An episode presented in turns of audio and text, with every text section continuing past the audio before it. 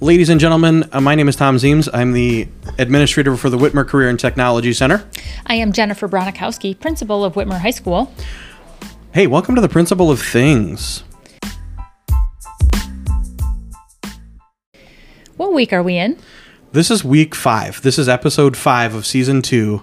Um, I'm just silencing things. I'm literally over here pressing buttons on my watch and my phone. Are we in sync with the actual number of weeks students have been in school? Yes. Um, I think we started recording the week.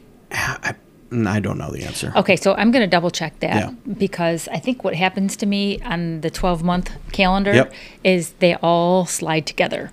And I start to feel like, is this me or are we on? I know that we're the midway point of the quarter. I'm gonna go back. I'm gonna go back. I'm gonna count. Um, Okay. So we have the ninth graders are technically the 17th. So one, two, three, four, five. We're one behind.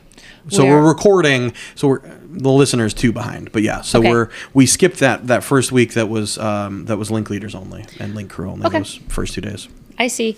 So I had some student feedback the other day, and it was validated by some members of our teaching staff, and it's in regard to electives. Okay. So, and students wondering how we offer the electives we offer and how we would ever think about offering different classes. So it sparked me to ask our associate principal in the counseling center, Ms. Witro, to pull our elective offerings and just see what is the number one request Yeah. that we get from students and then just to dissect that a little bit so i think that that's going to be some work that we have That's excellent. um, That's good work. administratively and yeah and how cool that it's coming from students right. i like that I um, got to talk to with YouScience this week, and so we got to look a little bit more into that and figure out um, what does it look like. We finally got some of that training piece. let's tell the listener about YouScience So U Science is a program that combines. Um, all right, so YouScience is uh, a an online platform that we subscribe to, and uh, it's going to help measure student aptitude. So what are they good at? Uh, student interest, uh, and, and what do they hope to do with careers? It's going to connect us with work based learning um, tracking and experiences. It also takes those uh, aptitude and awareness and, and connects them with colleges, right? Um, and then the other part to that is. So I can look at the data of the aptitude and awareness. Um, oh, I'm sorry. So then the fourth piece is a kind of schedule builder so a student can go through and put their courses together that they think we can upload our course catalog and they can put in what they think they might want to take before they have a conversation with a counselor. We can take the data from aptitude and interest and we can run um, so hey i want to look at what students are are really strongly connected to a business.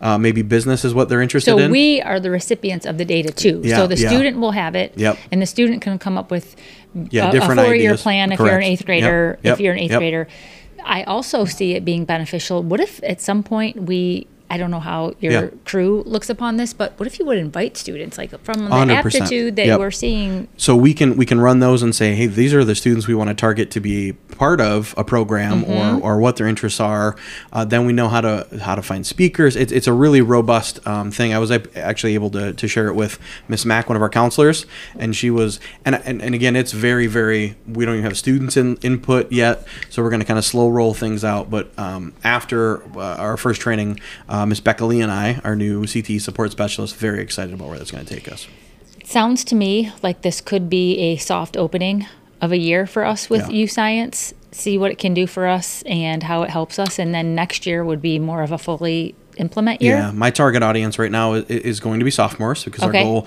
if we Oh. can, if we can find out what that aptitude is and mm-hmm. really, really get them as much information as we can before applying for programs or registering for those. And I'm almost thinking a simultaneous 10th, 9th, 8th grade rollout.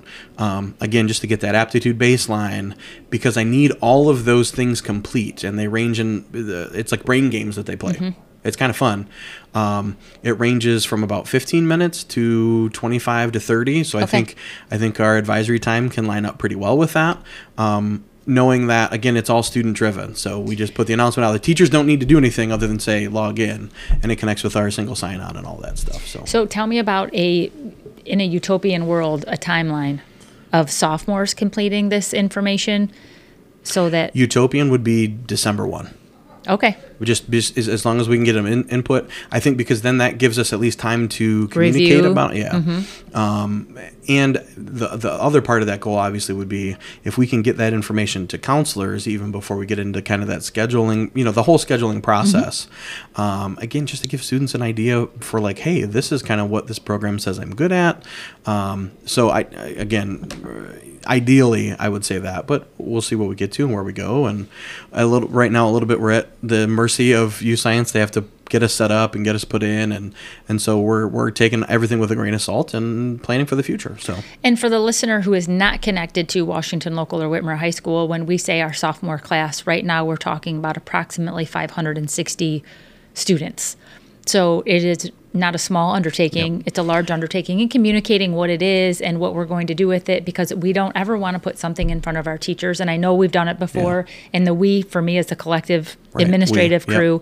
Um, sometimes we have put things in front of our teachers and they don't know the why behind Yeah. it. So I think in order to get this right, Right. we're going to want to make sure that we And cross th- all of those T's first. and and I think um, the other yeah I mean again communication because the other piece is we have room as those sophomores sign up for uh, CTC programs about 350 students of that 560 um, that could be part of a program and a career program and gaining skills um, as well as college credit through our career programs so it's exciting work and it's good work and I'm looking forward to kind of doing some more of that so what do you have on your list over there Jennifer So I have one other cool thing that I want to shout out Yeah. that our district is doing this year. Um, our district has a retired veteran um, teacher who they brought back to work in with Oh our gosh, I met um, her- HR I met her two days ago. So I had the honor of working with Lori Bosch. She was um, an ELA teacher at Washington when I was there, and just an outstanding educator. I mean, always working really hard, and we were able to really f-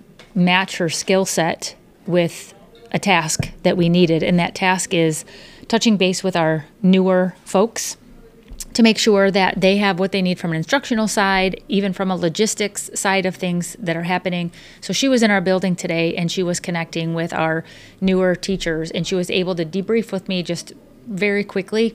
Um, but was able to tell me some good things and some things that they still might need Yeah. from us as an administrator. So I'm I, in, in the maybe seven minutes that I've had a conversation. I'm I know that we're lucky to have her as part of that crew.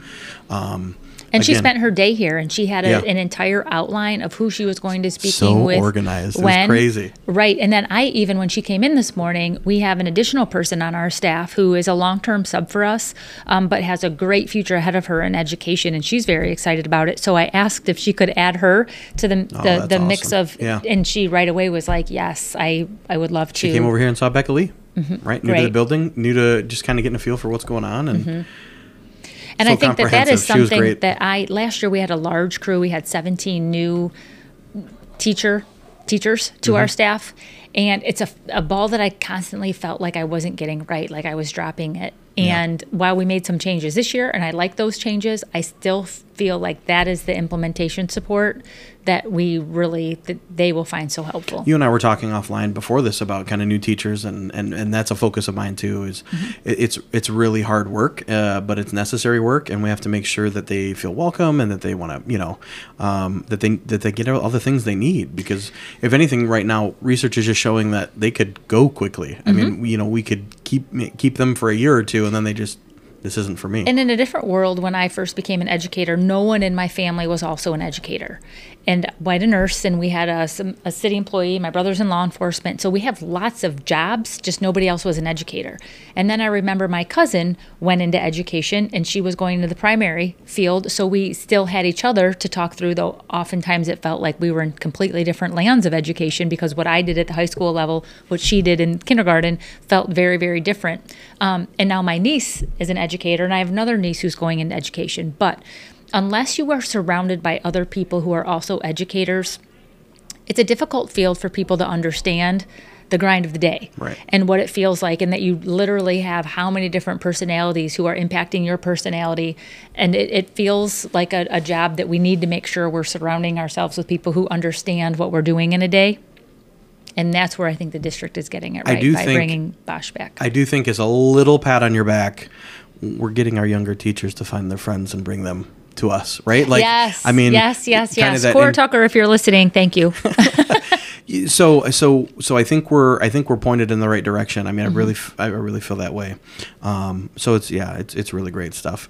We're off and running with evaluations, right? We're we're we're just uh, hot and uh, Yes. we're, we're running. I, I sent you an email today regarding a teacher.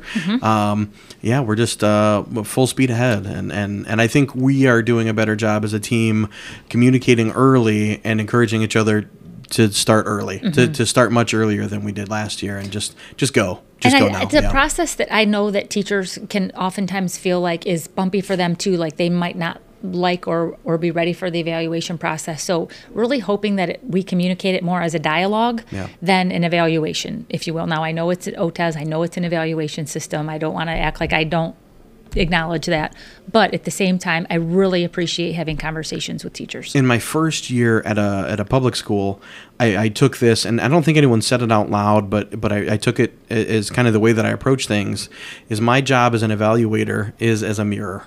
My hmm. my job is to show you what you're doing, and then have a conversation about it, and, mm-hmm. and coach if I can coach, and help if I mm-hmm. can help, and ask you where you think you need help. Um, but but my job is not there right to tell you all the things you're doing wrong or, mm-hmm. or gotchas. I mean that's not going to help anybody. My job's just to help you get better, right? I mean I, I want to be better. I want you to want to be better, and we just make everybody better. I'm just gonna say better another time. Such a great word. better.